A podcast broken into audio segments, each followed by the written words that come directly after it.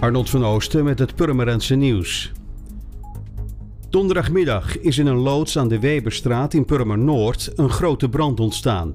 Bij de brand hebben ook enkele explosies plaatsgevonden.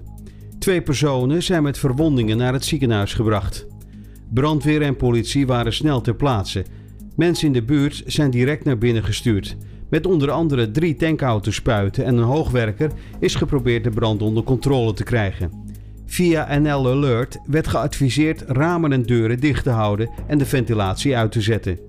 In de omgeving van de brand zijn brandresten terechtgekomen. Deze kunt u zelf verwijderen, al dus de veiligheidsregio. Om patiënten, bezoekers en medewerkers zo goed mogelijk te beschermen tegen het coronavirus, heeft het Dijklander ziekenhuis een aantal maatregelen aangepast.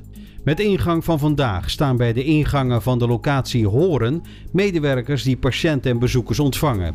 Ze heten elke patiënt en bezoeker welkom en stellen een aantal vragen. Aan de hand daarvan beoordelen zij of iemand mogelijk besmet is met het coronavirus, zodat er indien nodig extra maatregelen genomen kunnen worden om de verspreiding van het coronavirus tegen te gaan. Bijvoorbeeld door een mondkapje aan te reiken. In locatie Purmerend staan medewerkers vanaf morgen bij de ingangen. Het wordt stil in Purmerend deze zomer. Grote publiekstrekkers als Purmerend onder stoom en de nazomerfeestweek gaan definitief niet door als gevolg van de coronacrisis. Dat heeft de organisator Stichting Purmerend Markstad laten weten. De anderhalve meter maatregel is niet te hanteren bij grote evenementen, concludeert Markstad-voorzitter Kees Oudewortel. De stichting wil zelfs voor de evenementen aan het eind van dit jaar voorlopig niet het groene licht geven.